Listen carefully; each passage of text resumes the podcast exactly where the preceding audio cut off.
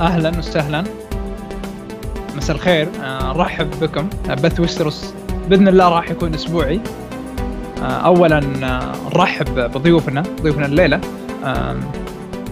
الضيف الأول هو أحد أعضاء وستروس وله يعني كثير كتابات معنا. وإن شاء الله كتابات جاية. محمد مساء الخير. مساء النور أخوي عبد العزيز. مسي عليك ومسي على كل المستمعين. إن شاء الله واستاذ هشام آه طيب ضيفنا الثاني. عشنا معك كثير يعني من من الروايات والقصص. آه ممكن مو كاحد الشخصيات لكن له جزء كبير. نرحب بالأستاذ هشام. مساء الخير. مساء الفل على الجميع. كيف الحال؟ طيب. الحمد لله كل سنة وأنتم طيبين جميعا. يا رب تكونوا جميعا بخير ورمضان كريم عليكم. آه الحمد لله تمام الحمد لله. اللهم طبعا أنت يبدو إنه محب لل لل fantasy أكثر أكثر من باقي ال genres الثانية. فلاحظ إنه Lord of the Rings أيضا آه، أغنية الجليد والنار وفي روايات ثانية ممكن إنه تعطيني إياها على السريع يعني من الترجمات المميزة لك أو تعتقد إنه روايات قريبة إلى قلبك إنها ترجمه Lord of Rings أنا ترجمتها لكن الترجمة لم تنشر حتى الآن. آه, آه، وفي تصور مغلوط عند بعض القراء إن ترجمة سيد الخواتم الموجودة في السوق هي ترجمتي أنا لكن ده مش صحيح. يعني قد ترى النور إن شاء الله يوما ما. لكن اللي موجودة أو اللي ترجمتها هي الهوبت آه، كانت بداية رحلتي في ترجمة الفانتازيا. وطبعا أغنية الجليد والنار. زائد أعمال أخرى للكتاب آخرين منها نيل جيمان الكاتب اللي أنا بعشقه جدا كاتب إنجليزي من الدرجة الأولى ترجمت له روايتين المحيط في نهاية الدرب ومؤخرا كورالاين. آه، أنا محب كثير للفانتازيا طبعا. أي أكيد يعني ما يحتاج. لولا حبك الفانتازيا ممكن ما, ما كنا تعرفنا عليك أو حتى شاركناك هذا المجتمع الجميل يعني.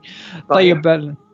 آه اليوم عندنا راح يعني خلينا نقول نوعا ما يرتكز الموضوع حول آه تنين الجليد آه أحد يعني خلينا نقول أقدم روايات جورج مارتن واللي كانت بترجمة أيضا آه، الاستاذ هشام.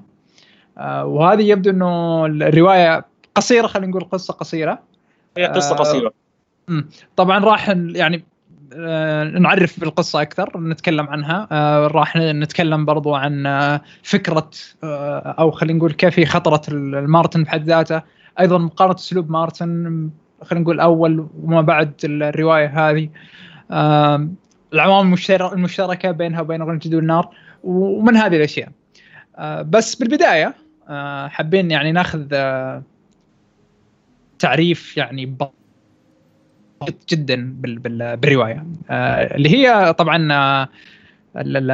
ايس دراجون أو تنين الجليد آه، نشرت 1980 آه، للكاتب جورج آر آر مارتن. القصة هذه تتكلم عن مين يعطينا القصة بشكل مبسط عنها؟ أنا أخاف إني أحرق ما ينفع إني أتكلم عن القصة لأني بحرقها يعني. فمين يعطينا يعني ملخص القصة بشكل بسيط بدون حرق؟ آه، شوف هي تقريبا تعتبر مثل ما قلت أنت إن هي من أقدم آه، مؤلفات جورج آر مارتن. يعني جورج آر مارتن بدأ عالم الفانتازيا تقريبا إذا ما اخذتنا الذاكرة سنة 76 وهذه القصة بدأت سنة 1980 في البعض مستصغر القصة كونها قصة يعني تصنف آه، من من القصص المختصة للأطفال. لكن هي بحد ذاتها يعني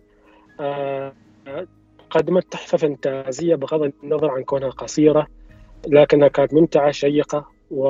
وتسلسل جدا في تسلسل الأحداث تسلسل جميل وتحمل الحمل الكافي من الحماس من هذا بوجه نظري يعني وكانت وكانت تعتبر يعني نقدر نعتبرها بمثابة تمهيد عظيم من حال تحفته العظمى اللي هي أغنية الجليد والنار. تتكلم تقريبا ال... تتكلم تقريبا القصة عن الطفلة أدارة طفلة الشتاء. آه مثل ما ترجمها الأستاذ هشام فهمي الطفلة التي مسها الشتاء وترك عليها علامته. ما نقدر ندخل في التفاصيل أكثر تقريبا يعني تجنبا للحرق لكن ملخص ملخص بسيط تقريبا. هذه هي قصة تنين الجليد. آه طبعا ال ال ال الرواية هذه Warner Animation Group اللي هي المالكه ال HBO واللي مالكه الأغلب أعمال جورج مارتن. 2018 بدأوا يشتغلون على عمل animation للرواية. آه، وشغالين عليها بشكل كويس. طبعا لهم هم أعمال كثيرة فبإذن الله ممكن إنه خلال الفترة القريبة راح يعني ترى النور آه، بالسينما. وهذه أحد الأشياء اللي أو النقاط اللي كنا راح نتكلم عنها بال بالحلقة نفسها. آه، أيضا الرواية تم عمل لها خلينا نقول هو ال artwork معتمد من جورج. مرتين تم عمل اللي هو الرسم للارت وورك هذه للرواية بحد ذاتها. لكن بس تقريبا هذه أهم أهم الأشياء للتعريف بالرواية. إذا حابين شوية ندخل ننتقد أو أو نفصل نتكلم عن عن الرواية بحد ذاتها. ف ما هو تقييمكم للرواية؟ إيش رأيك هشام؟ أنت أعتقد إنه قرأت كثير من الروايات الفانتازية والأدب حتى يعني سواء الأدب الإنجليزي. فكيف تقيمها؟ اذا إذا كانت اطفال كيف منظور الاطفال لما يقرؤونها آه، حتى مثلا بناء أساسات الشخصيات القيم اللي هي تعطيها آه، رواية للأطفال. كقصة للأطفال آه، أنا يعني كان رأيي الشخصي ان إنها بتحتوي على شيء من العنف قد لا يكون مناسب للأطفال. اللي أدهشني إن أنا دخلت على موقع بيقيم فيه الآباء والأطفال نفسهم كتب الأطفال. وبناء على التقييمات الجماعية بيحدد السن المناسب لكل كتاب. فلما دخلت بصيت على تنين الجريدة على الموقع ده لقيت إن الآباء محددين آه، السن المناسبة أول سن مناسبة كبداية لقراءه الكتاب ده تسعة سنين. المضحك جدا إن الأطفال اللي عاملين التقييم أجمعوا على إن السن المناسبة لقراءة العمل ده ست سنين. ست سنين. يمكن ما يمدي يقرأ كويس. أتوقع إنه في مصطلحات أصعب إنه يفهم في ست سنين يعني. أكيد طبعا. آه بس يعني الاطفال الأطفال مرعبين أكثر من أي حاجة في الدنيا. والله يعني. أنا أنا عن نفسي يعني آه، في كثير من الأحيان اللي لما قرأت الرواية آه، اعتقدت إنه شوية مبالغ مبالغة بال في بالوصف والشرح وفي أشياء مخيفة. اي أيضا كيف إنك تدفع ثمن قرارات مغلوطة. ما اعتقدت إنه فيها براءة للأطفال بس الصراحه تقييم مرة غريب. آه إيه. لكن كلغه كلغة مش صعبة. اللغة يعني قد يعني أظن تخميني الشخصي ان قد يقرأها طفل عنده 8 سنين بس آه لما تلاقي أطفال عندهم 6 سنين بيقراوها فده مستوى التعليم بقى. ان هم يعني عارفين لغة مارتن لغة شعرية آه بليغة. لكن هو طبعا هو بما إنها أصلا قصة أطفال فهو ما بالغش في, استخدام لغة صعبة. فاللغة آه سلسة جدا. ونقلها للعربي كان كان سلس إلى حد كبير آه بعيدا عن اختيار ألفاظ معينة لكن بشكل عام. في حاجة أنا لاحظت مو للاطفال صراحة يعني قصة خلينا نقول في كثير الحين لما أعتقد إن جالسين نقول أطفال فهو يعتقد حاجة أنها طفولية جدا. بالعكس أنا اعتقدت إنه مفيدة جدا أيضا للمبتدئين بالقراءة. لما أحد ما, عمره قرأ ويروح يقرأ أغنية جديد والنار ممكن ما راح يفهم حاجة أو راح يضيع وراح يكره الرواية بحد ذاتها. على عكس هذه الرواية للمبتدئين آه، جدا سلسة وتفهمها بشكل بسيط حتى إنك ممكن راح تخلصها بجلسة واحدة. آه، فأنا أعتقد إنه غيرنا للأطفال هي أيضا للمبتدئين. بس آه، بالنسبة لمحمد وش رأيك بالقصة وسير الأحداث؟ والممكن خلينا نقول هنا سير أحداث خطي على عكس الموجود بغن جد والنار. فكيف وجدت الموضوع؟ طبعا اللي اثار اعجابي أنا تقريبا في القصة اللي هو حدود الاختلاف اللي ركز عليها جورج ار مارتن بين بطلة القصة ادارا وبين إخوانها. يعني حتى اللي لاحظناه ان جورج خلق فاصل تقريبا في سمات الشخصيات خصوصا الطفله ادارا فمن بداية الكتاب والوصف يعطيه نوعا ما طابع سيء عنها. أو خلينا نقول غامض.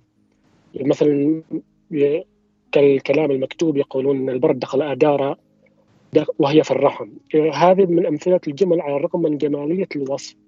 إلا أنه يثير غرابة نوعا ما ويندرج تحت علامات استفهام.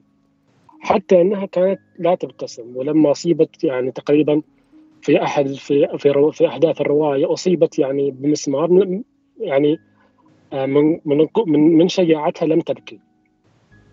آه، الجانب المحزن أيضا أن شخصيتها هي هي صورتها عند الغير كونها مولودة في الشتاء بسبب برودته برود بسبب برودها المنعكس عن شجاعتها حتى والدها تقريبا تكونت عنده هذا الصورة عن ابنته لما تقريبا في بعض الأحداث يفضفض ويعبر أن أن طفلته ما بادلت الحب أبدا هذه التفاصيل كونها جورج كونها جورج حتى يعطينا طابع تقريبا غير مفهوم ومبهم وغامض عن طفل أدارة في بداية القصة. ولكن بعد تسلسل أحداث تقريبا بدأت أدارة تظهر جانب آخر من شجاعتها بدأ يطغي على الجانب اللي نحن تعودنا عليه. هذه الأحداث مثيرة تخلي القارئ يستكمل القصة كأنه يعني مثل مفهوم أن القصة يجب أن لا تنتهي. امم طيب.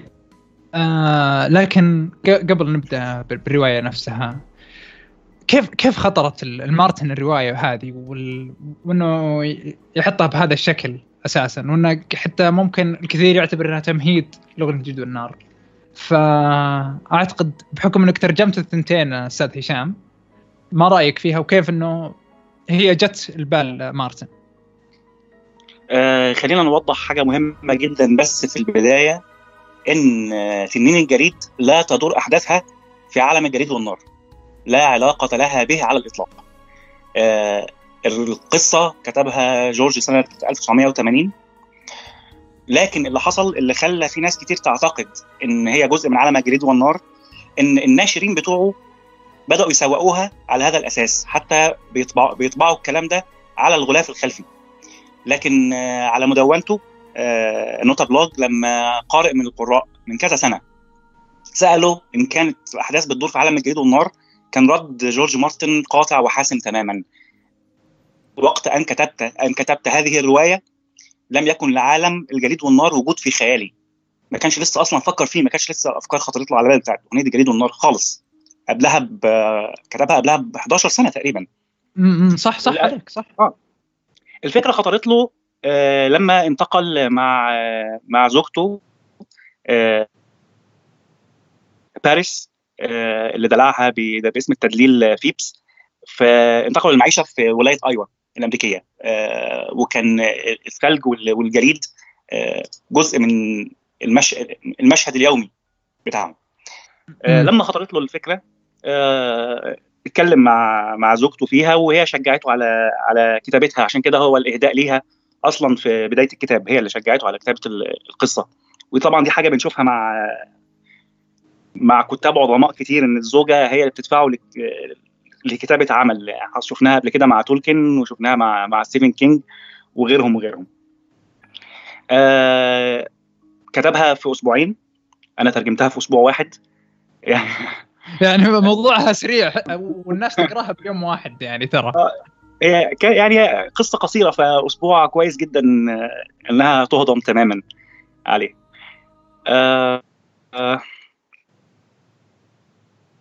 يعني هذه هذه هذه بشكل مختصر خلف كواليس القصة. بالضبط. اسلم في حاجة كنت بتقولها؟ آه, آه هي القصة نشرت كذا مرة في كذا مجموعة قصصية. آه فأخرها قبل ما تصدر منفصلة. نشرت في مجموعة قصصيه لجورج اسمها آه Dreamsongs أغاني الأحلام. آه كتب في مقدمة الكتاب ده إن آه على حد علمه تنين الجليد كائن خرافي من ابتكاره هو شخصيا.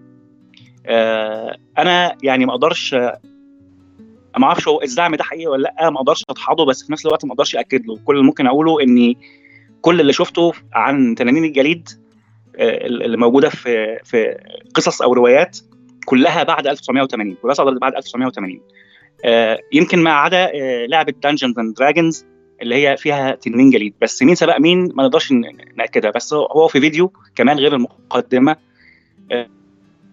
بيذكر نفس الحقيقة. فما أظنش إن هو هيذكر حاجة مش مش حقيقية أو هيزعم شيء هو اخترعه في نفس الوقت. لا ما يكون ما يكونش اخترعه. فده الكواليس بتاع القصة.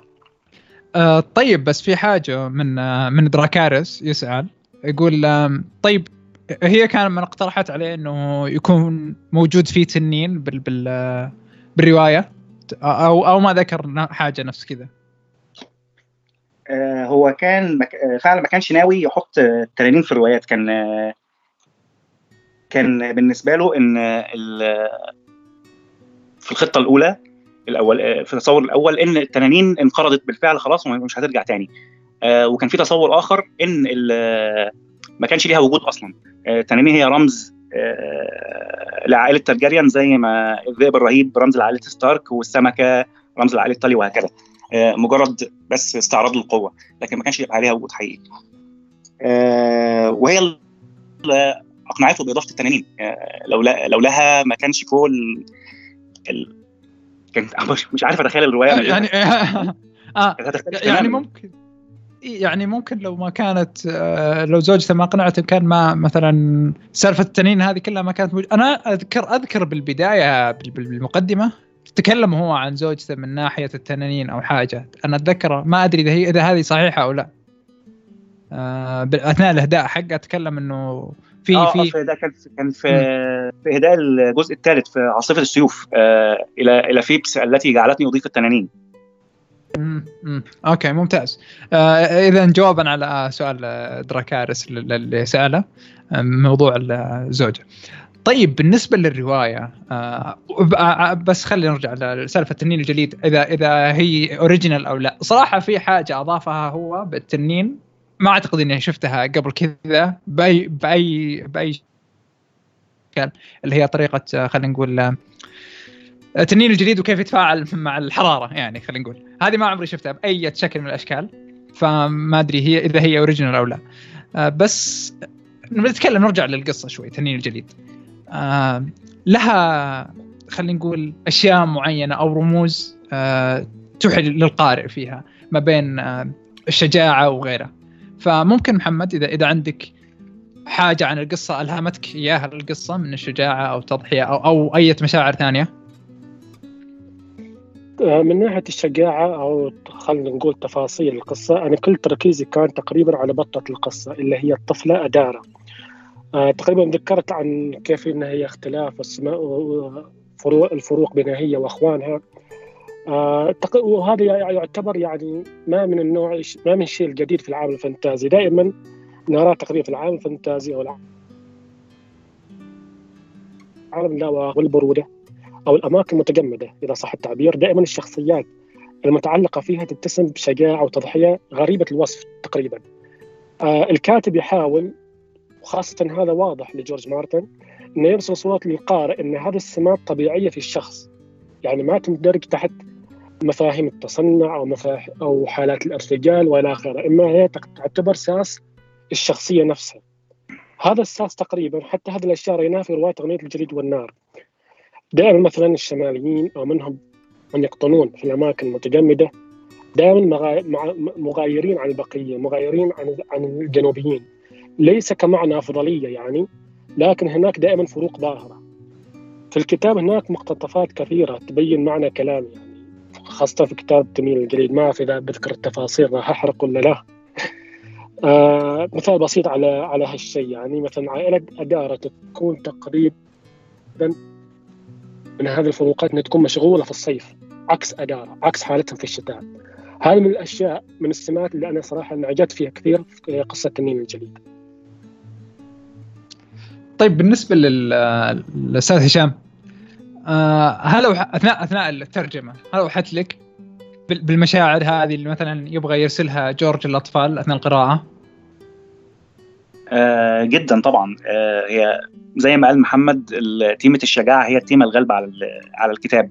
آه آه بيقدمها طبعا بصورة مبسطة عشان الأطفال يدركوها لكن هي تيمة الشجاعة في حاجة مستمرة في كتاباته. آه نفتكر مثلا يعني ما فيش أبلغ من تعبير نيد ستارك عن الشجاعة. ليس من الممكن أن يكون المرء شجاعا إلا وهو خائف. فهو ده تعريف الشجاعة الحقيقي إن رغم خوفها ورغم إنها عارفه رغم إنها عارفة إنها هتضحي ورغم الخسارة اللي هي متأكدة إنها هتخسرها لكن هي الشجاعة إنها تتخذ القرار ده ودي طبعا بنشوفها بتتكرر كتير جدا في شخصيات جورج مارتن في أغنية الجليد والنار. المصادفة الظريفة إن يعني في نفس الفترة اللي ترجمت فيها تنين الجليد ترجمت رواية أخرى لنيل جيمان اللي هي كورالاين بطلتها طفلة صغيرة برضو والتيمه الأساسية للرواية هي الشجاعة.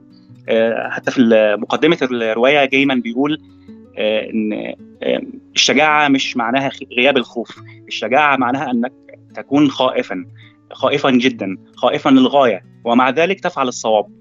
فأظن مش أظن أعتقد كمان إن مارتن نجح يقدم التيمة دي. في تنين الجليد بشكل مبسط إن خلينا دايما فاكرين إنها أصلا قصة أطفال. ف تبسيط الفكرة شيء أساسي وحتمي. عشان خاطر الفكرة توصل للطفل كما أرادها المؤلف وإنها تخليه يفكر وإنه يسائل نفسه مش مجرد إن هو استمتع بقراءة قصة لا. ف طبعا ده ما يمنعش إن الكبار أيضا يستمتعوا بها على على درجات أعلى ويقرأوا ما بين السطور فيها لأن هي موجهة للأطفال بالأساس آه لكن مش معنى كده إن إنها خالية من الأفكار الكبرى اللي تشد البالغين. طبعا في تيمة كمان غير تيمة الشجاعة تيمة منظور الإنسان للإنسان. إحنا شايفين أحداث من وجهة نظر أدارة بالفعل لكن مطلعين في نفس الوقت على آراء وانطباعات الآخرين فيها فهي طفلة يعني وحيدة جدا. طفلة هي مدركة إنها مختلفة عن إنها تعتبر شاذة عن المجتمع. بتعمل تصرفات ما حدش غيرها بيعملها تصرفات بيستنكرها الآخرون. ده بيسبب نوع من الوحدة الشديدة. هتشوف لمحات من ده في, في أريا. أريا اللي بتحب التنطيط والجري والمبارزة و... وتوسخ هدومها وتتبهدل. أريا وجه الحصان أريا المداسة. في جزء منها في أريا جزء منها في جون سنو أه الوحدة إن هو إن هو في مكان بيعامل فيه مع إنه في وسط من يفترض أن يكونوا أهله لكن هو برضه عارف إن هو مختلف عنهم. أه في جزء من بران فيها حب التسلق والمغامرة. وفعل ما هو مختلف. آه، تشابهات طبعا في صفات شخصية مش مش مش مش, مش منقولة بالمسطرة. آه، تيمة البرد آه، اللي هي البرد ك كرمز لل. توحد الشخص لإراده لعزلته البرد كشيء مدمر وفي نفس الوقت إزاي يكون شيء بيحفظ ما دي دي بقى الدواليتي بتاعت الجليد والنار إن النار مفيدة جدا وفي نفس الوقت مدمرة جدا والجليد مفيد جدا وفي نفس الوقت مدمر جدا. فأنت عندك النقطة البارعه جدا اللي مارتن بيكتبها دايما إنك تبقى بين واقف واقف في النص بين الطرفين. شايف حاجات بتشدك لده وبتنفرك منه في نفس الوقت وفي ده حاجات بتشدك ليه وبتنفرك منه في نفس الوقت. ف أنا شايف شخصيا إن هو نجح إلى حد كبير جدا. إن هو يعبر عن الانتماء ديت ووصلها بسهولة خصوصا للأطفال خلينا فاكرين. آه دي حاجة مهمة جدا. آه إن الكتابة للأطفال شيء آه مهم وعظيم جدا ومؤسس اللي يقرأ كتاب صغير زي ده ويعجبه. يعني إحنا ناس كبيرة اهيت وقراء ومشاهدين بيتابعونا. لقيت فيهم اللي بيقول إن هو ما قرأش أغنية الجليد والنار لكن لما قرا تنين الجليد شجعته إن هو يدخل المرحلة الأكبر المرحلة مرحلة الوحش بقى. صح صح صحيح صحيح جدا صحيح. يعني. وهي وده للاسف ده على الأقل هو ما أقدرش أقول إن هو ده كان هدفه هو شخصيا بالقصة. إن هو زي ما قلنا أغنية الجليد والنار ما كانتش ظهرت في مخيلته أصلا وقتها. لكن أنا كمترجم آه لقيت إن هو ده هدف ممتاز ونبيل وجميل. كتابات الأطفال يعني عندنا في العالم العربي قليلة جدا وضعيفة. للأسف مش كلها طبعا لكن نسبة كبيرة منها. ده إن كان الأطفال بيقرأوا أصلا دلوقتي. يعني أنا متخيل إن جيلي أو الجيل حتى اللي بعدي كان نسبة قراءة الأطفال فيه أعلى بكثير حاليا مع وجود الإنترنت والقنوات الفضائية اللي بالالاف الطفل هيقعد يقرأ. إمتى الا إذا كان حد مشجعه على القراءة. فدي القصة ديت كما كما أملت والحمد لله يعني من من ردود أفعال الناس وكلامهم والمراجعات على جود ريدز وغيرها.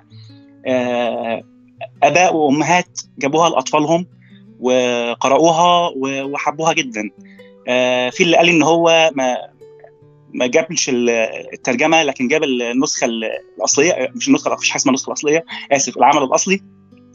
وقراه بالإنجليزي طفله طفل 10 سنين. ده شيء رائع رائع جدا. مش مشكلة يقرأ ترجمتي. مش أنا أنا أنا أنا عايز الطفل يقرأ. أنا عايز بس أكون سبب ولو صغير جدا في إن الأطفال يقرأوا ويقرأوا كل حاجة. أنا واحد بيترجم فانتازيا لكن في غيري بيترجم حاجات كتير جدا ومواضيع مختلفة في مجالات مختلفة كتير. فكونه يقرأ حاجة الأول تشجعه على قراءة غيرها وغيرها وغيرها ده يعني أظن دي أنبل حاجة ممكن أعملها كمترجم. أنا بضيف على النقطة هذه اللي هي الثيمات والمشاعر اللي تعطيها القصة. أه وما أبغى برضو نكثر من كلمة أطفال أخاف إنه في ناس يحسبون الحين إنه يعني قصة تعامل ك كواحد عمره ثلاث سنين ثلاث سنين أو ست سنين بالعكس ترى فيها دروس. في قصص أطفال كثيره عظيمة ويعني وحافظت مكانها في التاريخ الهوبت الهوبت كانت قصه قصة أطفال كتبها تولكن لأطفال عشان قبل النوم. فما ننقص ابدا إنها ما قصه أطفال. بالضبط بالضبط. بالعكس هي فيها دروس للكبار وللأطفال وأعتقد إنه آه، دائما وابدا آه، دروس هذه اللي ترسخ في أي وقت وفي أي زمان أو حتى مكان. آه، أحب أضيف إنه الثمن اللي تدفعه للقرار المعين آه سواء كان قرار شخصي آه أو ذاتي تستفيد منه أنت لوحدك راح تدفعه راح يدفعون الناس قريبين آه بعض الأحيان منك. آه قد لا تريد لهم الأذى حتى وأنك لا لا لا تكن مشاعر لهم آه هم هم دائما ابدا قريبين لمك. فالقرارات مهما كانت القرارات اللي أنت راح تتخذها في ثمن راح تدفعه بشكل أو بآخر. آه وهذا اللي حبيته جدا بالقصة. آه ما كانت آه خلينا نقول قرار دفعته فتاة صغيرة آه وتكون الدنيا وردية إنما لا بالعكس هي هي هذه الحياة هذه هذه الحياة وكيف تعلمك الحياة نتيجة قراراتك. صحيح. طيب أنا عندي سؤال لأستاذ هشام يعني بناء على على ردود الأفعال اللي شفتها تقريبا خاصة في مواقع ردت عن موضوع تنين الجليد. يعني أستاذ هشام نحن نعرف مثلا كلمة تنين في العالم الخيالي أو العالم اللاواقعي إنه مرتبط مرتبط ارتباط طبيعي بالنار. ولكن تنين الجليد تعتبر تقريبا قفزة فانتازية أخرى غامضة خلينا نقول. آه مثل ما شفنا في القصة يمكن هذا يعتبر حرق لكن مضطر إني أنا أكمله. مثلا امتطاء أدارة من مناطق الشمال لتميل الجليد إلى المناطق الجنوبية أو خلينا نقول إلى المناطق اللي ترتفع فيها درجة الحرارة بدأ تنين الجليد يتقلص حجمها. أنا بالنسبة لي هذا المنطق كذوبان لتنين الجليد منطق جمالي لا يوصف. لكن أنا الحين أكلمك بلسان آه، أصحاب ردود الأفعال. مو بردود سيئة يعني ردود علامة استفهام خلينا نقول. كونك أنت يعني مترجم للرواية ومتعمق قصدي للقصه هل منطق تنين الجليد يذوب منطق مناسب؟ والله أنا يعني ما فكرتش فيه من ناحية إن هو منطق. آه هو تقدر تسميه منطق داخلي. يعني هو اخترع الكائن ده هو وحط له القواعد بتاعته. زي أي مؤلف بيحط بي بيبتكر حاجة ومهما كانت شاطحة بس هي دي القواعد اللي بيحطها. لكن المهم هو مهما كانت القواعد ديت مغلقة في الخيال إن إن وضعها ما يخرجش عن القواعد دي. بقى تمام؟ يعني طالما أنت ارسيت قاعدة يا سيدي ويستروس دي إن آه، كل واحد كل فرد فيها عنده آه، جناحات. okay أنا قابل ده من بداية القصة لكن ما ينفعش تيجي تخالف دوت في نص القصة. زي ما شفنا في المسلسل إن هو بيأسس لحاجة ويرجع يخالفها لمجرد نقطة في الحبكة تحدث فلا أنا مش مش شايف إنها في إنها مخالفة للمنطق. يعني تنانين بشكل بشكل عام مخالفة للمنطق. ما فيش تنين بيلبس نار. ما فيش ما فيش كائن ده. فنفس الشيء ينطبق على تنين الجليد طالما المنطق الداخلي متماسك أو محافظ عليه فيعمل اللي هو عايزه. طيب. آه طيب بس آه حابين آه نطلع فاصل بسيط. آه، ما راح نطول عليكم إن شاء الله. آه، من الراعي الرسمي Storytel آه، Storytel هو راعي البث هذا وراعي أيضا المقاطع الأخرى. ونشوفكم إن شاء الله بعد الفاصل.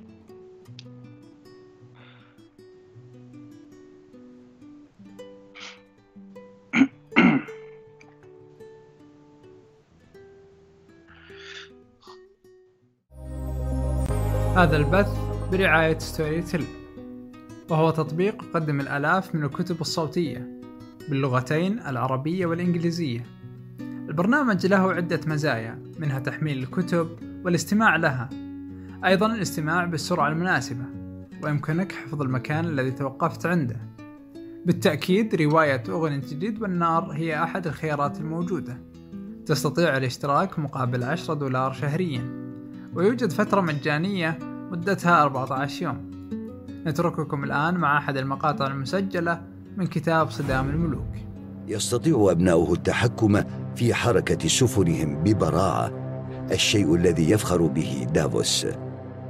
عبر البحر دوت أبواق الحرب بأنين عميق مبحوح كنداء أفاع وحشية عملاقة وترددت أصواتها من سفينة إلى سفينة فرفع دافوس صوته بالأوامر. أنزلوا الشراء. اخفضوا الصاري المجادفون إلى المجاديف. ونقلها ابنه ماثيوس إلى الرجال. ارتج سطح بث السوداء بينما هرع أفراد الطاقم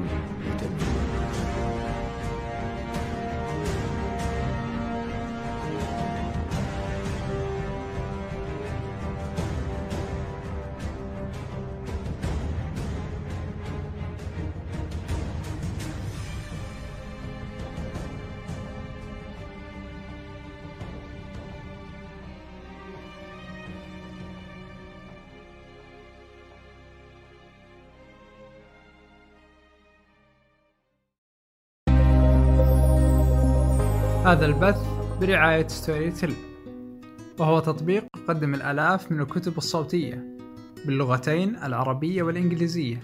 البرنامج له عدة مزايا منها تحميل الكتب والاستماع لها. أيضا الاستماع بالسرعة المناسبة ويمكنك حفظ المكان الذي توقفت عنده. بالتأكيد رواية أغنية الجديد والنار هي أحد الخيارات الموجودة. تستطيع الاشتراك مقابل 10 دولار شهرياً. ويوجد فترة مجانية مدتها 14 يوم. نترككم الآن مع أحد المقاطع المسجلة من كتاب صدام الملوك. يستطيع أبناؤه التحكم في حركة سفنهم ببراعة الشيء الذي يفخر به دافوس. عبر البحر دوت أبواق الحرب أهلين وسهلين آه، رجعنا بعد الفاصل. آه، طبعا بالنسبة ستوري تيل ما فيه الاغنيه الموجودة أغنية الجلد والنار لكن آه، التنين الجديده لحد الآن لم تتوفر. آه، ممكن قادم الأوقات إن شاء الله. بس أستاذ هشام شفنا كم سؤال يعني من الشباب هنا. نجاوب عليها بشكل سريع. التنين الجديد لها علاقة بالأغنية الجلد والنار بأي شكل؟ لا تدور في نفس العالم على الإطلاق. لا علاقة لها إلا في بعض الأفكار والتيمات لكن غير كده هي قصة منفصلة تماما. آه طيب بس بالنسبة أيضا عندنا أسئلة من الشباب.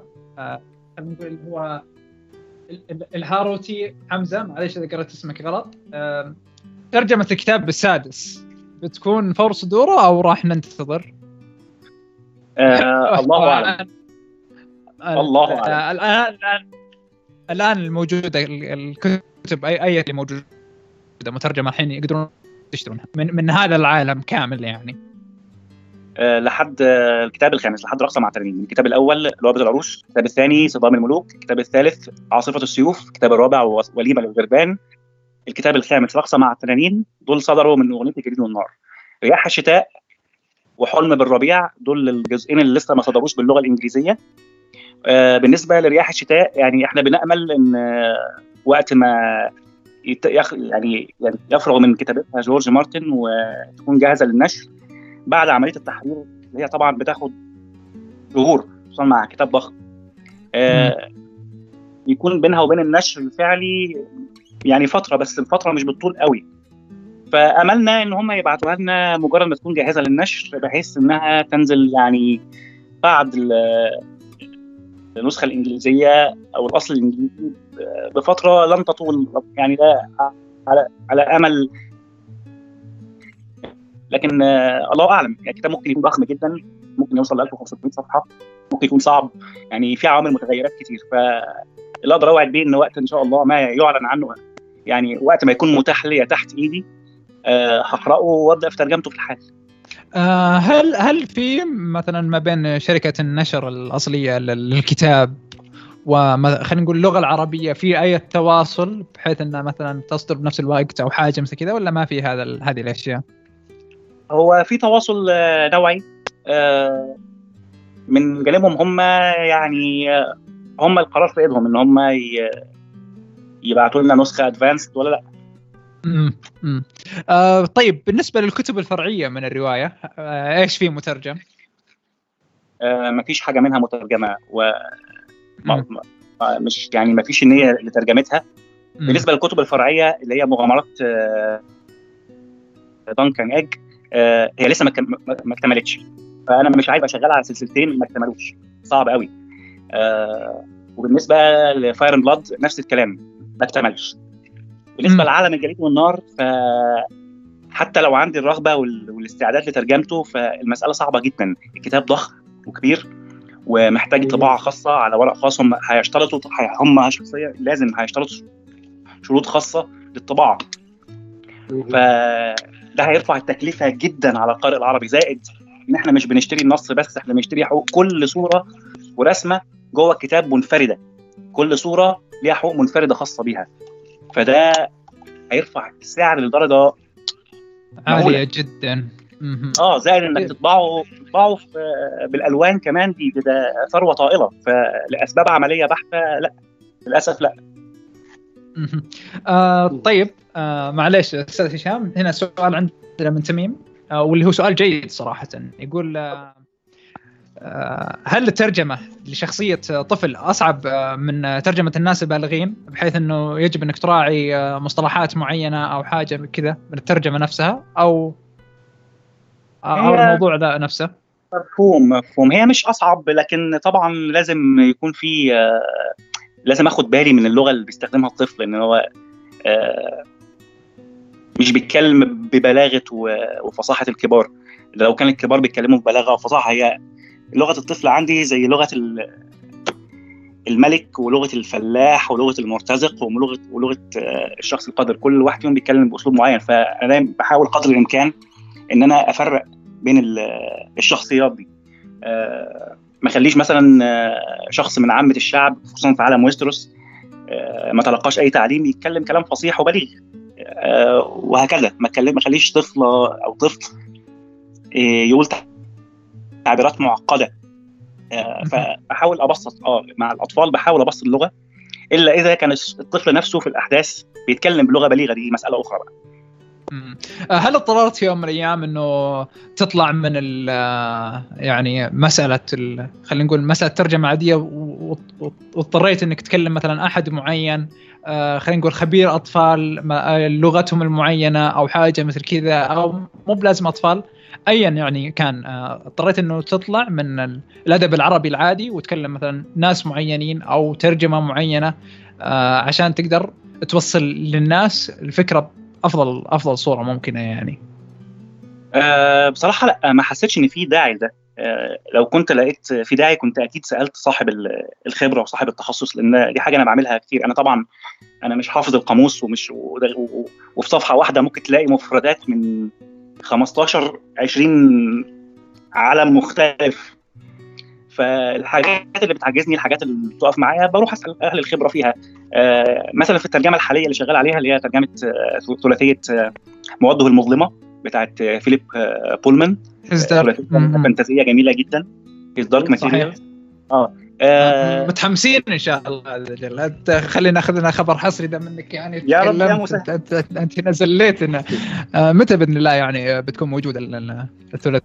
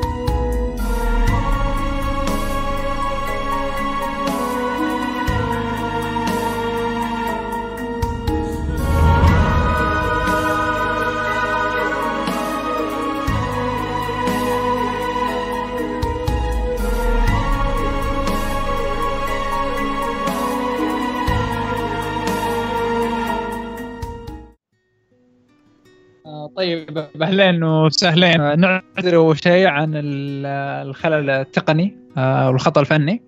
آه، طيب الآن آه، نرجع نكمل عن عن اللي وقفنا عنه كنا بنطلع بس تسريب من من الاستاذ هشام وقطع البث شكله ما يبغانا ننزل التسريب هذا من هذا ف الآن إحنا قلنا إيش هيز دارك ماتيريال إحنا جالسين نترجمها. ف إيش إيش كنا نتكلم عن الموضوع اللي هو صعوبة الترجمة للأطفال وإنه استشارة ناس ثانيين. وبرضو عن موضوع نشر ال His Dark Materials أو مواده المظلمة أعتقد.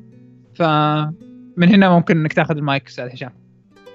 Okay. آه، كنا بنقول إن آه، يعني كتابة ترجمة للأطفال آه، كان السؤال إن أنا كنت استعنت متخصص في الطفولة آه، فقلت لا أنا ما حسيتش بالاحتياج لكده. لكن لو حسيت بالاحتياج ليه فأكيد كنت هسأل المتخصص ده اللي بعمله عادة بسأل المتخصصين. دارك ماتيريالز زي ما قلت فيها آه، تيمات آه، إنجيلية ولاهوتية. ف الحاجات اللي شكيت فيها أو حاسس إنها صعبة عليا بعت المتخصص فيها وخدت رأيه. آه، برضو فيها مصطلحات علمية. آه، أنا مش مع في- بعض المصطلحات العلمية أنا ما اعرفهاش آه، فبعت لشخص صديق مترجم علوم عشان يمدني بالترجمة السليمة. فيعني ال- ال- الجميل التشابه إن هو في- في تنين الجليد وفي وفي كورالاين وفي His Dark Materials البطلة بنت صغيرة. فانا مجبر على استخدام لغة لغة بسيطة زي ما البطلة بتتكلم في اللغة الأصلية.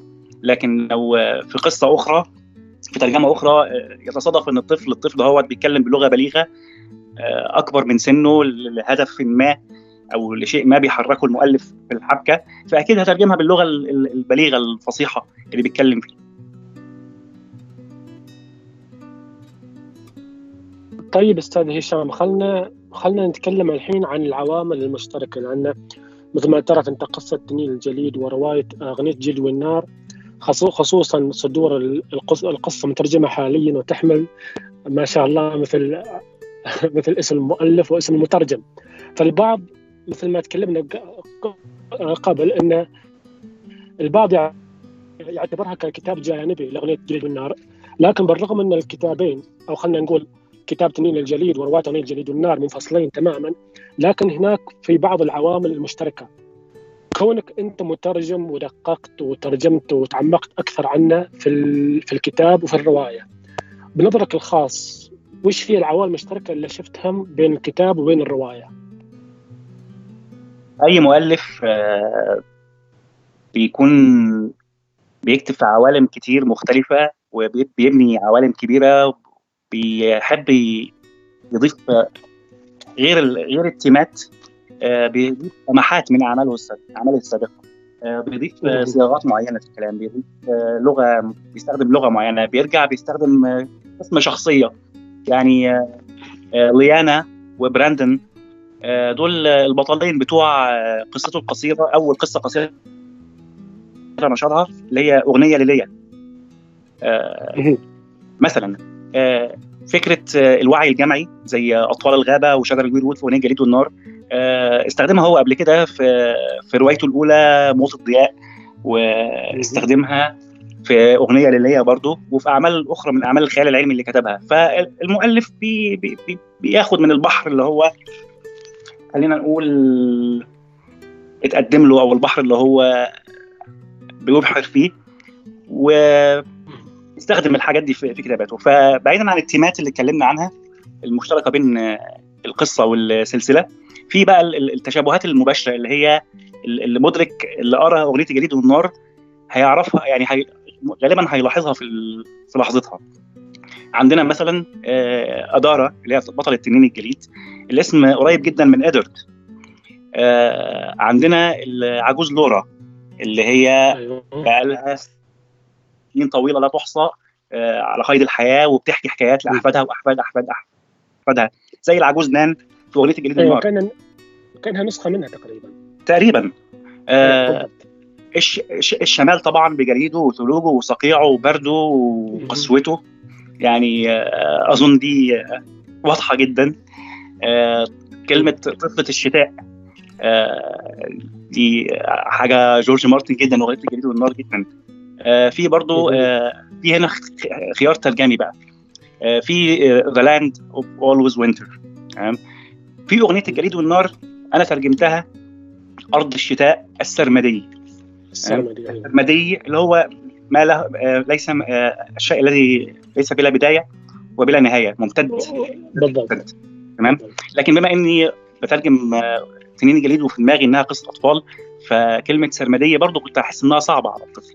فأنا ترجمتها أرض الشتاء الدائم بشكل مباشر وبسيط. طبعا تنانين النار و حاجات تانية بقى في لغة مارتن نفسه الاستخدام الشعري لروايته لصياغته الروائية والكتابية بشكل عام. فاي حد قرأ اغنيه الجليد والنار اولا هيتعرف على الحاجات دي مباشرة. أي حد قرا تنين الجليد اولا هيلاقي بقى توسع والبذور البذور الصغيرة ديت في تنين الجليد أثمرت وأصبحت شجر ناضج في اغنيه الجليد والنار. طيب أستاذ هشام لكن خلينا ننتقل الحين لسؤال شوية أضخم من معهد للمتابعين الحين. نحن نعرف أن التنين الجديد ذكر كمقتطفات بسيطة بس في في الرواية الأساسية وأيضا ذكر في الكتب الجانبية. تمام. هل في احتمالية ظهور لتنين الجليد توقعك يعني في الرواية وهل ما هل ما ظهر في في جليد أو لا؟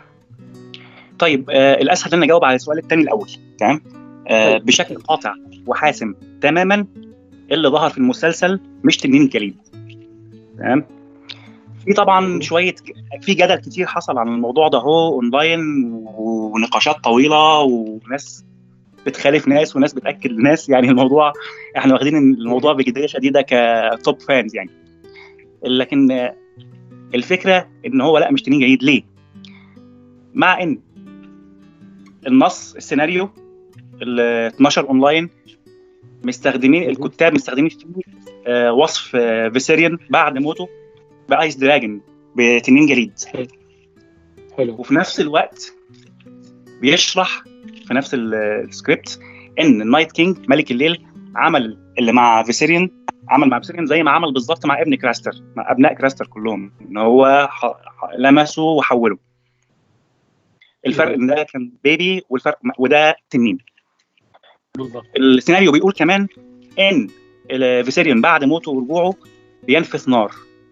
لكن هي آه نار آه زرقاء حامية. هي طبعا علميا النار الزرقاء أحمى من النار الحمراء. و ما وصفوهاش في السيناريو بال بالجليد. فكده عندك كذا تناقض تمام؟ اولا ملك الليل ما عملش مع فيسيريون اللي هو عمله مع أبناء كراستر لسبب بسيط إن أبناء كراستر كانوا أحياء. ف التنين كان ميت. ف التخ... التخمين المفروض إحنا يعني نستنتجه بناء على المعلومات اللي قلنا إن هو ال... ال... التنين ما هو إلا wight جثة حية بتتحرك ب... بإرادة أو ب... ب... بتحكم وسيطرة ملك الليل. طيب.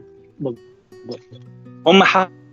هم هم بعد كده هم خلفوا نفسهم في كلامهم بيقول إن التنين ده White Walker يعني زيه زي هو نسخة تنينية من ملك الليل وإخوته. دول يعني بشر.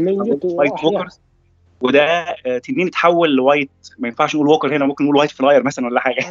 آه White Dragon مثلا. اي صح. بالضبط لكن طب لو هو White Walker لما أريا مضطر أذكر المشهد الشنيع. لما أريا قتلت ال Night King وال White Walkers كلهم انفجروا. التنين ما انفجرش التنين مات زيه زي الجثث. فهم معارضين نفسهم تماما. لا ف هو اللي ظهر في المسلسل مش تنين جليد تمام؟ تنين الجليد في عالم مارتن في وصفه في, في, في عوالم مارتن عشان ما نقولش إن هو عالم واحد. سواء في قصة تنين الجليد أو في كتاب عالم الجليد والنار مختلف تماما عن عن فيسيريون أنا آه ترجمت يعني مقتطف صغير حصريا لقناة ويستروس والأصدقاء المستمعين معنا حاليا من الفصل الخاص بالبحر الراجف عن الجزء اللي مذكور فيه تنانين الجليد. أه هقرأه عليكم وعشان يعني يكون على لسان المؤلف اللي اخترع العالم ده الفرق واضح تماما. طيب بس عشان يكون في high highlight للمقطع. الآن آه هذا مقطع من آه مترجم حصري لويستروس من اللي هو التنين... إيش اسم المقطع؟ العنوان حقه؟ من صفحات البحر الراجف في كتاب العالم الجليد والنار. أوكي تمام. هي طبعا ترجمة مختصرة مش كاملة عشان بس يعني نذكر المعلومات المهمة المباشرة ان إحنا محتاجينها. وأحب أوضح إن يعني داخل عالم الجليد والنار تنانين الجليد نفسها بتعتبر مخلوقات أسطورية داخل العالم. لأن يعني ما فيش دليل ملموس على وجودها كلها أقاويل. فهبدأ أقرأ عليكم الجزء اللي ترجمته والشرح هيكون واضح تماما. بسم الله الرحمن الرحيم. البحر الراجف محدود من الغرب بويستروس ومن الجنوب بإسس ومن الشمال بصحراء الجليد والثلج المتجمدة التي يطلق عليها البحارة اسم القفر الأبيض ومن الشرق بأراض وبحار مجهولة.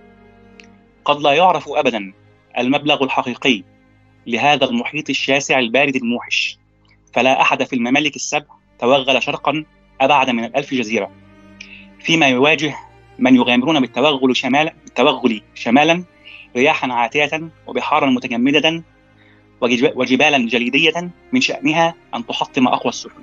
ده المكان اللي, اللي موجود شمال إيسوس وغرب ويسترس على الخريطة. بحر محيط واسع جدا جدا. جدا من بين كائنات البحر الراجف الغريبة المذهلة جميعا وأعظمها تنانين الجليد. يقال إن تلك الوحوش إن تلك الوحوش الهائلة التي تفوق تنانين فاليريا حجما عدة مرات. ركز مع الجزء ده. تفوق تنانين فاليريا حجما عدة مرات. وصفها. مخلوقة من الجليد الحي. مخلوقة من الجليد الحي. التنين نفسه من الجليد. مش كان تنين عادي وتحول. هو بناؤه تركيبه الجليد. زي في تنين الجليد وفي عالم الجليد والنار. ولها أعين باللون الأزرق الشاحب وأجنحة منبسطة شبه شفافة يمكن من خلالها رؤية القمر والنجوم وهي تدور في السماء. وبينما تنفث التنانين التقليدية النار فإن تنانين الجليد تنفث البرد بردا قارسا من شأنه أن يجمد المرء عن آخره في أقل من لحظة. تنفث البرد. حين تقتل تنانين الجليد فإنها تذوب.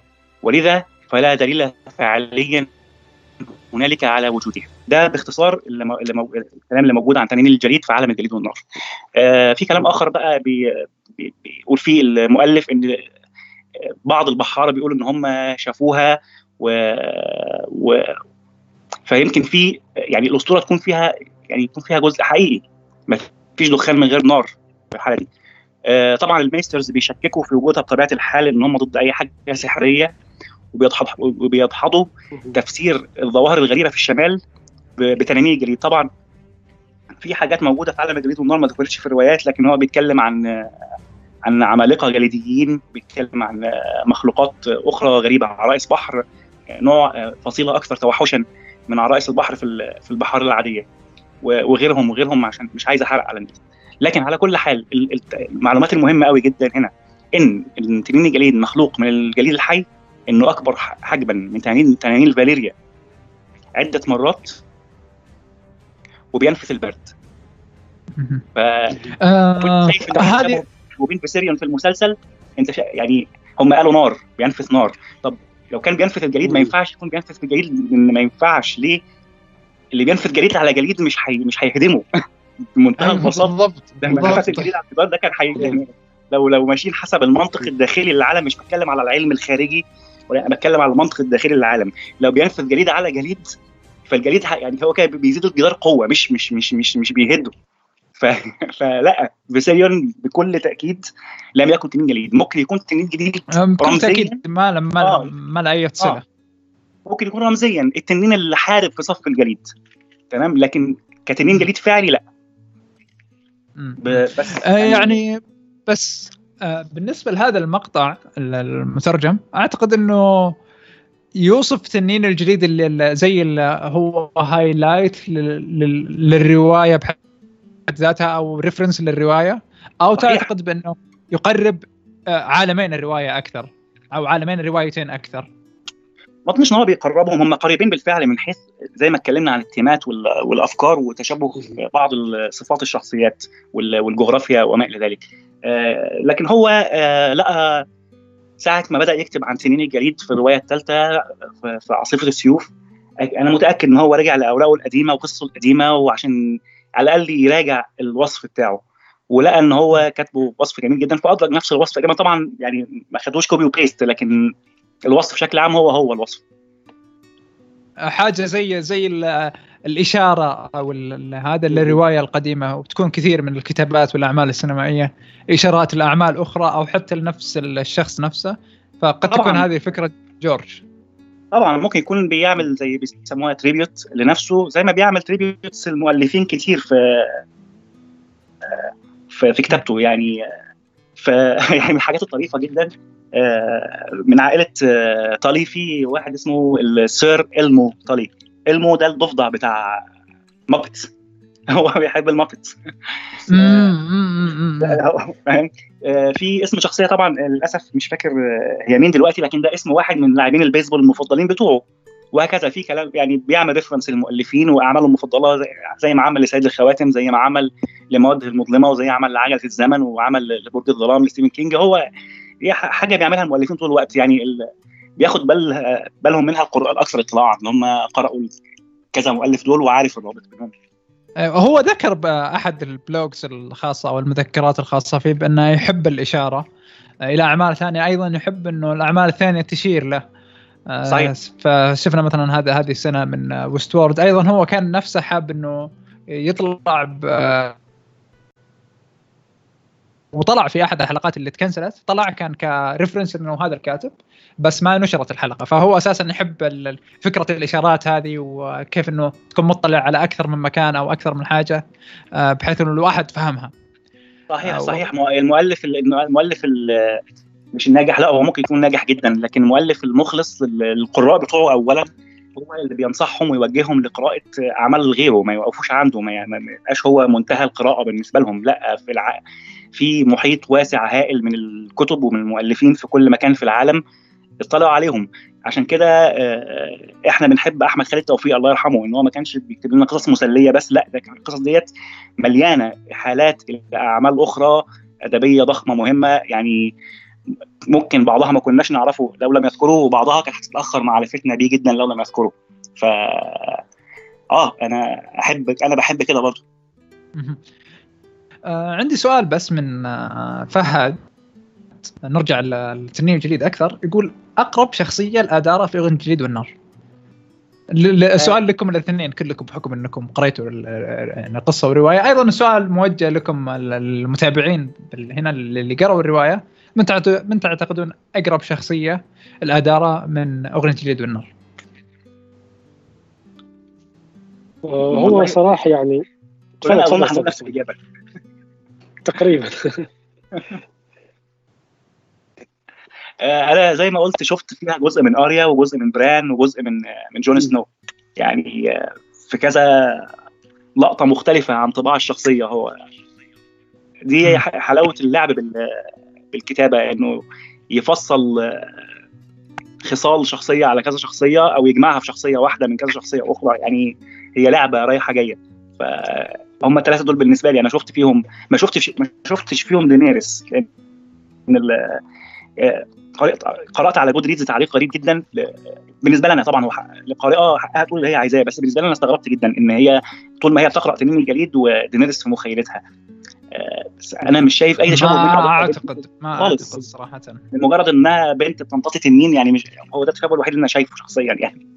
بس آه أوكي يعني مش حكر على حد آه تصور واللي دماغه بتروح فيه. ممكن يخليك تتصور يفكرك بشخصية في رواية أخرى تماما أصلا ملهاش علاقة بالعالم ده كله. ودي حلاوه القراءه بالنسبة لي أنا اشوفها صراحة أقرب عن لبران خصوصا خصوصا سمات شخصية بران وسمات شخصية أدارة من حيث البرودة. يعني يعني ما برودة بالملمس قصدي برودة الشخصية قصدي. يعني حتى أذكر في البعض من الأخوان في تويتر يسألني يقول يقول فصول بران مملة لأنه شخص بارد يعني ما تتوقع أنه راح يفعل شيء لكن في النهاية يتسم بشجاعة. هذا الشيء تقريبا شفته في أدارة في كل الفصول الثمانية الموجودة داخل كتاب تنين الجليد. طيب آه، في عندنا آه، زميلنا عبد الله آه، نمسيه بالخير سألنا سؤال يقول هل رولا رولاند ستورم هو نقل للتغريدة بالترجمة العربية؟ التغريدة مش ستارك التغريدة في, في أراضي العواصف. إيه علاقة ستارك بيها؟ لا. هو قال رولاند ستورم. رولاند ستورم. آه ستورم مش مش ستارك. آه معلش ستورم. ستورم. آه وبصراحة ما أعرفش ما فكرتش أصلا في شغ... يعني كشخصية ما فكرتش فيها ما حسيتش إن وراها أي يعني أنا برضو لازم الناس تكون عارفة إن أنا مش يعني مش متعمق في الأسئلة للدرجة دي مش كل حاجة بتواجهني ببني عليها أسئلة ونظريات وتوقعات يعني في حاجات يعني بتخدم النص وأنا بخدمها في الترجمة بديها حقها لكن مش بقفش عندها. فحقيقة مش عارف اعضها طيب آه خلونا نرجع بس نكمل النقاط اللي كانت عندنا. هل في احتمال ب Winds of Winter أو حتى الكتاب السابع بأنه نرى بأي شكل من الأشكال آه تنين أي تنين جليد؟ سواء حتى مثلا ممكن يكون مع إيش اسمه هو؟ ال Night King. آه سؤال ده يعتبر يمكن أهم سؤال الليلة. آه طبعا كل اللي هيتقال توقعات وبناء على قراءة النص. آه تنين الجليد مذكور في حالتين في الروايات. هو مذكور عامة في روايتين فقط في عاصفة السيوف وفي رقصة مع التنانين. آه في تنين الجليد ice ice dragon اللي هي بتتكتب بحروف capital في بالانجليزي اللي ده كوكبة النجوم اللي هي شمال الجدار اللي بيسترشدوا بيها. آه العجوز نان بتقول لبران في عاصفه السيوف إن اللي بيسترشد بكوكب التنين الجليد لن يتوه في الشمال. وإيجريت اتكلمت مع جون عنه كذا مرة وهو بيفكر فيه كذا مرة. هو يمكن عشان أبرز كوكبة في في الشمال وفي النجم الساطع جدا اللي هو بيسموه عين التنين.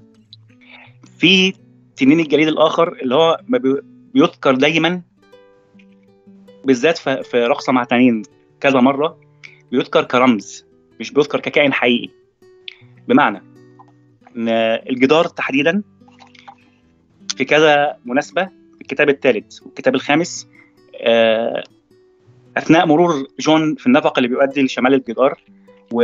أو في وقوفه تحت الجدار مرة بيقول إن هو يشعر كأنه آه، يقف في حلقوم تنين جليد من التي تنين التي كانت تحكي عنهم العجوز نام آه، مرة يقف أيوه هذا كان كان بعد آه. معركة القلعة السوداء. تقريبا. صحيح. ومرة يعني إن هو بيشعر كأنه بيدخل حلقة النين الجليد. كذا مرة التشبيه ده. لاحظ في في ذكر تنين الجليد بعيدا عن الكوكبة. الكائن بيذكر ما بيذكر إلا مع جون سنو وبران. وجون سنو أكتر من بران بكتير. لدرجة إن في ناس آه وضعت نظرية إن في أصلا تنين جليد مدفون داخل الجدار. وهو ده السبب في إن الجدار محافظ على تماسكه وارتفاعه والجليد بتاعه إن في كائن حي في حالة بيات جوه مدفون جوه الجدار. طبعا هي هي نظرية ما حدش عنده إثبات. لكن هي نظرية حلوة بصراحة. أنا شخصيا حبيتها جدا. إن انها بترتبط بالنظريه الاخرى إن هي أقرب للتصديق إن ال White Walkers هم اللي بنوا الجدار مش البشر. إن هم الجليد هو المملكة بتاعتهم. هم الاقدر على بناء. شيء آه، جليدي سحري ده. فربما يعني مش يعني مش هن مش هندهش إن يكون في تنين جليد جوه الجدار فعلا وبالعكس هتبقى حاجة جميلة على حسب ما جورج يكتبها. طيب أستاذ هشام من على على غرار النظريات اللي أنت ذكرتها حول تنين الجليد أيضا في نظرية أخرى تقريبا أشهر على النظرية اللي أنت الحين طرحتها. نحن مثل ما عارفين ومتعلمين من تاريخ الرواية إن وينترفيل بناها براندون آه البناء على ينابيع ساخنة. حتى في أحد فصول كاتلين ستارك تقول إن جدران وينترفيل في الليل تكون دافئة بسبب طيب. الينابيع الساخنة اللي بناها براندون البناء. لكن في الرواية في أحد البرك الموجودة داخل وينترفيل أمام شجرة الوير وود كانت باردة. حتى ثيون ثيون جريجوي في أحد فصوله وصفها. في بعض طيب. النظريات تقول إن إن في أحد البرك عبارة عن تنين جليدي ميت منذ زمن يعني. امم آه ممكن ممكن. يعني إحنا يعني آه، زي ما وصفها مارتن في عالم الجليد والنار إن التنين الجليد لما بيموت بيذوب بيتحول لماء. وبما إنه مخلوق سحري فيمكن دايما الماء ده هو يفضل بارد للأبد. وارد. بس آه، يعني الينابيع الينابيع الساخنة داخل وينترفيل في ناس بتفسرها بوجود تنين نار حي.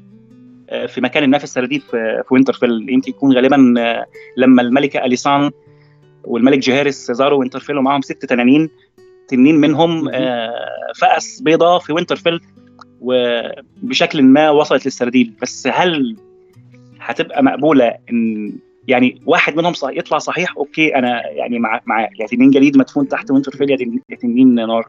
لكن تنين جليد وتنين نار تحت وينترفيل مش عارف. حاسس إنها تبقى مش مستساغة فاهم قصدي؟ بالضبط. آه. أيوه فاهمنك فاهمنك ف يعني يعني منتظرين وهنشوف. آه لكن كأننا إحنا هنشوف تنين جليد بأي صيغة في في في, الروايتين المقبلتين. آه وارد. بس آه يعني قد يكون من تنانين الجليد ال- الضخمة اللي موصوفة في البحر الراجف وكلمة الراجف دي جاية من من البرد برضه بسبب البرد بتاع البحر نفسه بيرتجف. يعني دي, دي أنا ما- ما حبيتش أسميه بحر الرجفة أو بحر البرد أو حاجة زي كده. لا ده هو البحر نفسه is shiver shivering البحر نفسه بيرتجف من البرد. بقى صورة شعرية جميلة جدا حبيتها. الترجمة الحرفية هي ال ال الأح الأفضل هنا. بالعكس هي ال- ال- الأدق. مهم. طيب آه، آه. بس عندي آه، سؤال من الشباب هنا عندنا بال بالمحادثات أو الشات. محمد محمد ار دي اي ومهند الحربي كلهم بنفس. بنفس السؤال هل هل تعتقد أو. أنت حتى أنت محمد هل تعتقدون بأنه راح تنتهي.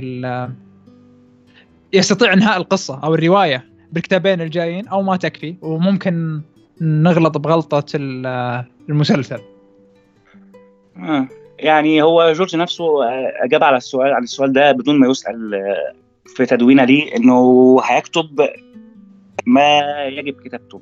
ما قال لو لو القصة محتاجة صفحات إضافية هيكتبها لو محتاجة فصول إضافية هيكتبها. فده ما يخلينيش أستبعد إنها تحتاج كتاب إضافي. آه، القصة الحكاية نمت في الحكي زي ما كان تولكن بيقول واقتبس منه مارتن نفس ال- المقولة. تولكن حكاية Lord of Rings يعني نمت معاه في الحكي وفي نفس برضه حكاية الجليد والنار نمت في الحكي مع مع مارتن. فربما الله أعلم بس أنا أتمنى يعني الكتابين المقبلين يكونوا كفاية مهما كانوا ضخام. آه، آه، في حاجة بخصوص رؤيتنا لتنين الجليد في الروايتين المقبلتين برضو هو مش بالضرورة يكون آه، تنين جليد فعلي ممكن يكون تنين جليد رمزي.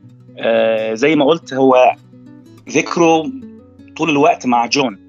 جون لو اتضح إن هو ترجريان أو half ترجريان فهو كده تنين لكن هو عنده الجانب الآخر جانب الجليد. فممكن يكون تنين جليد رمزي. جون سنو هو تنين الجليد. آه ال- اللي مخلي يعني اللي مخلي الاحتمال إن هو مش رمزي ممكن يكون تنين جليد فعلي. فكرة ال- ال- الضخامة بتاعت معركة زي دي. تنين جليد أضخم من من دروجون دروجون نفسه ثلاث أربع خمس مرات. فأنا أحب أشوف وصف حاجة زي كده. آه عندنا في كتاب عالم الجليد والنار في في الصفحات الأولى الصفحة اللي فيها الخريطة بتاعت العالم المعروف. لو اللي عنده الكتاب يبص للنص النصف العلوي من الصورة مكتوب عليه the known world هنلاقي آه صورة مرسومة في الخلفية لتنين بثلاثة رؤوس. بيواجه تنين ضخم برأس واحدة.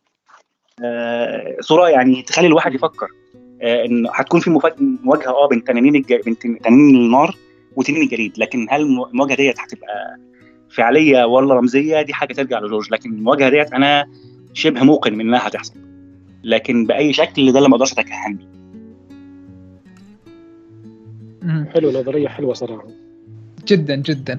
آه طيب بس بالنسبة لل آه، الآن آه، ال- ال- التنين الجليد آه وفكرة طرحها كفيلم animation وش رأيكم؟ هل ما تعتقدوا إنه كان ممكن كانت تروح مسلسل أو فيلم؟ هل ممكن إنه صدق هذا الفيلم ال animation راح يطرح؟